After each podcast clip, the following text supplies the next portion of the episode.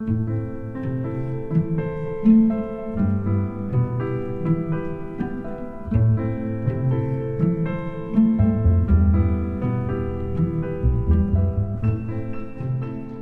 Real Academia Galega de Ciencias eh, veu de facer públicos os gañadores dos seus premios a investigación 2019 e ao longo desta noite habemos poder conversar cos gañadores nas diferentes modalidades.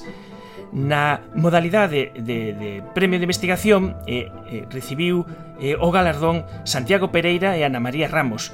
Santiago, moi boas noites. Boas noites. Santiago Pereira é catedrático de produción vegetal na Escola Politécnica Superior da UCC e do grupo de agronomía. O voso traballo explica como, como fixemos, como chegaron para nós os castiñeiros actuais. Desde cando temos castiñeiros en Galicia? O que sabemos é que mm, sobreviviron en Galicia a última glaciación eh, os nosos estudios pois, indican que realmente ese reservorio xenético permitiu restaurar e eh, despois expandirse a outras zonas eh, porque seguramente sobreviviron aí en, nos nosos vales a última glaciación. entonces pois, bueno, isto é o que reflexan tamén os estudos xenéticos. Eso quere dicir que nesa época tiñamos certo clima un pouco benigno comparado co que había noutros lados, non? E seguramente eh, é así, dende logo eh, no estudo pois eh, eh comparamos co, coa península italiana. E o grupo italiano participou neste proxecto financiado polo Ministerio. Entón vimos que realmente hai dous reservorios moi importantes eh, xenéticos do Castiñeiro un na península ibérica e outro na península italiana. En algún momento tamén este material italiano entra na Península Ibérica e de feito pois integra ao noso acervo eh, senético, non? pero o noso moi singular, eso permitiu un momento determinado eh, que os agricultores propagaran determinados xenotipos que eles veían que eran máis interesantes desde o punto de vista productivo.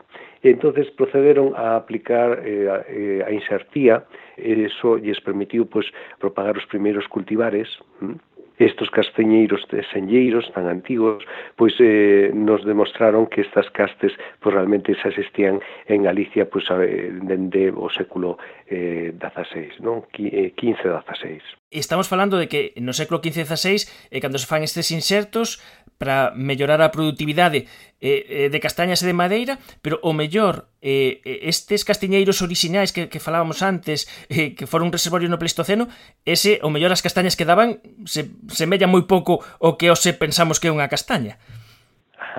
Bueno, eso non o saberemos nunca, pero dende logo este exemplo é un dos exemplos vivos máis antigos. É dicir, si, si nos pensamos en Mazairas, por exemplo, que temos castes autóctonas tamén moi relevantes eh, de, eh, de Peral, pois, eh, os, por exemplo, as Mazairas non son moi lonxevas, entonces non se pode saber exactamente se si esas variedades que cultivamos hoxe en día, que consideramos autóctonas, eh, pois veñen de tan atrás. Pero no Castiñeiro eh, existen estas evidencias vivas, están aí todavía historia. Entón, pois, eh, sí podemos constatar que ademais os, o que decían os escritos do século XV en Portugal, no século XVIII en Galicia, pois que esas variedades realmente pois, existían nesa época. E exactamente o mesmo xenotipo, porque nos eh, sabi, tiñamos evaluadas eh, moitas variedades en, en no sur de Europa, e algunhas delas pois, están aí reflexadas nestos eh, castiñeiros enlleiros castiñeiros enlleiros que vos para este traballo tedes que, que percorrer, eh, co, coller mostrases e logo analizar no laboratorio, entendo.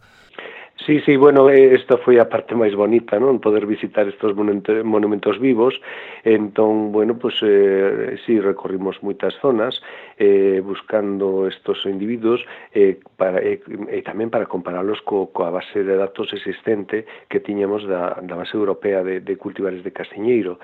Eh, entón, visitamos pues, moitas zonas, eh, castiñeiros maravillosos de, de, de, de 19 metros de, de perímetro, eh? por exemplo, de Ávila, que é un, un un exemplar magnífico que está en un parque, eh, o Castañar do Tiemblo, que se poden visitar, e de feito hai rutas para, para visitalos, ou os castiñeros de, de Cantabria, que tamén moi, moi eh, dun diámetros eh, eh, moi, moi grande, ou, sí, diámetros moi grandes, eh, eh, que, bueno, eh, fomos recollendo mostras de cada un delas para facer estudio comparativo coa participación do grupo italiano e tamén da Universidade de Córdoba. Ademais, recibimos mostras despois do País Vasco, nunca se tiña estudiado xenéticamente esta zona, porque é unha zona que onde o castiñeiro eh, sufriu unha regresión moi importante polo cancro, eh, está en unha fase moi avanzada de abandono. Pero, bueno, se recuperou, se pudo identificar aí, pois, unha serie de, de árboles eh, señeiras que algunhas delas estaban insertadas. Árbores eh, que teñen insertos antes de, de que se descubrise América.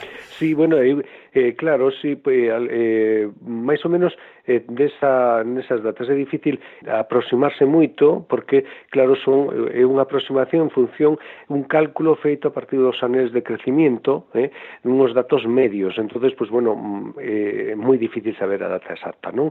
Pero sí que mm, vendo o consulto pode ser desa, eh, nesa época.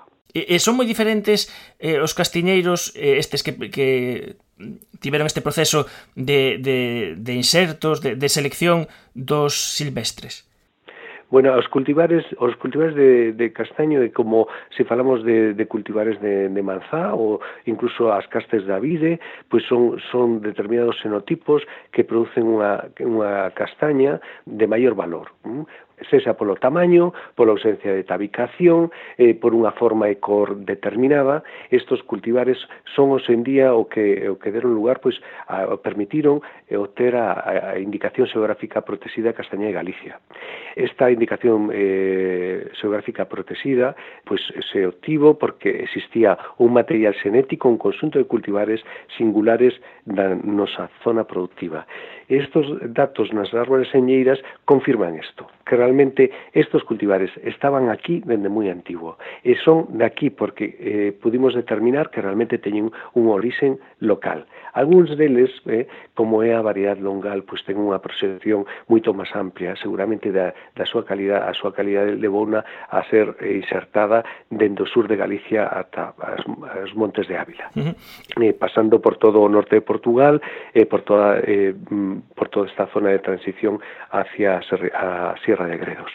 E tamén eh, de, eh, comentabas que vos fixeste estudios semellantes coas maceiras e coas pereiras. Bueno, levamos anos, eh, claro, eu, a miña trayectoria este, este mes, pois pasado mañán cumplo 30 anos xa de servicios na Universidade de Santiago de Compostela, non? E, e durante estes 30 anos tuve a sorte, a oportunidade de, de traballar eh, no estudo de recursos eh, xenéticos de cultivos. Mm? Entón, pois, eh, o castiñeiro foi o máis prolongado, eh, todavía sigo a traballar nel, pero traballamos tamén no, no grupo na Maceira, na Pereira, tamén colaboramos eh, ca, Caevega eh, coa doctora Emilia Losada no estudio de Castes de Vide eh, e tamén agora estamos empezando pues, a traballar con outros temas incluso eh, con trigo do país eh, que tamén é un tema de interés nestes, nestes momentos.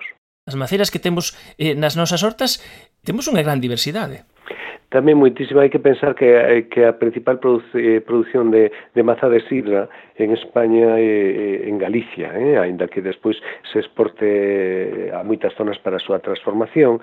Eh, mm, e ademais pois, temos, temos eh, determinadas mazairas eh, determinadas castes que se ven eh, moi ben para, para o consumo en mesa.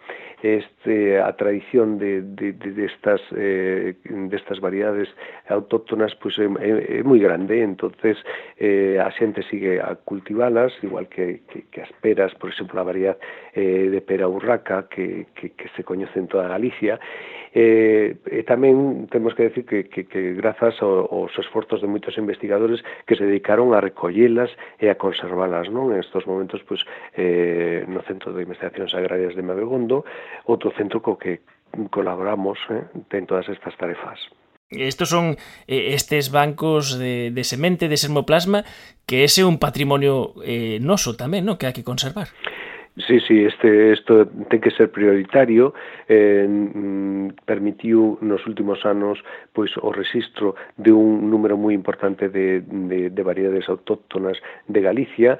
Eh, estos estudos nos que temos colaborado pois permitiron precisamente obter registros para que ademais de, de, de conservalos nos bancos de sermoplasma, conservar as, as variedades, tamén proteger esos nomes que son nomes moi propios da, da, da nosa cultura, da nosa historia, como a tabardilla, eh, a tabardilla, a pera urraca eh, e tantas outras.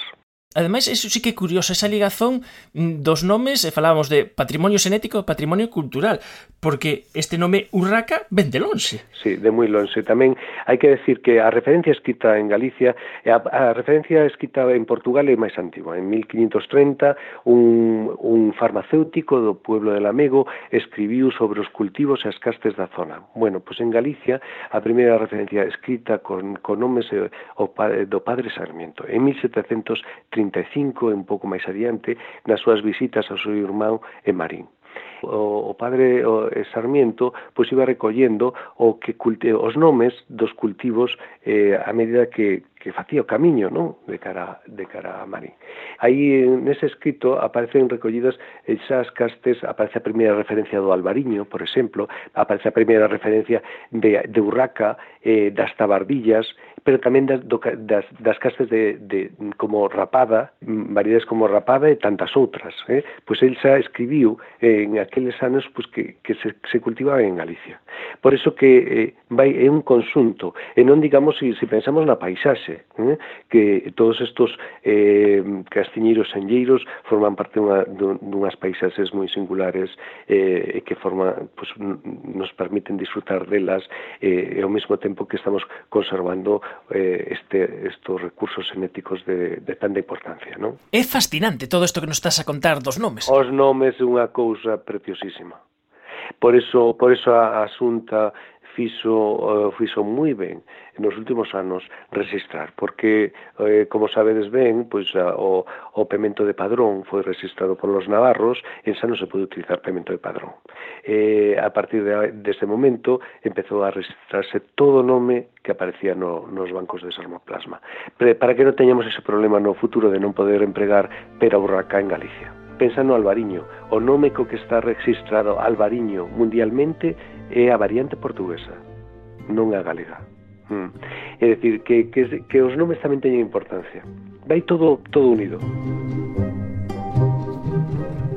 Grazas ao traballo do Grupo de Agronomía da Universidade de Santiago desde a Escola Politécnica eh, Superior de Lugo, Agora coñecemos mellor a orixe dos nosos castiñeiros e os de Galiza son os primeiros, os máis eh, antigos, eh, eh, os primeiros en ser insertados. Eh, parabéns, Santiago, a ti e a todo o teu equipo por este premio. Gracias a vos. Boas noites.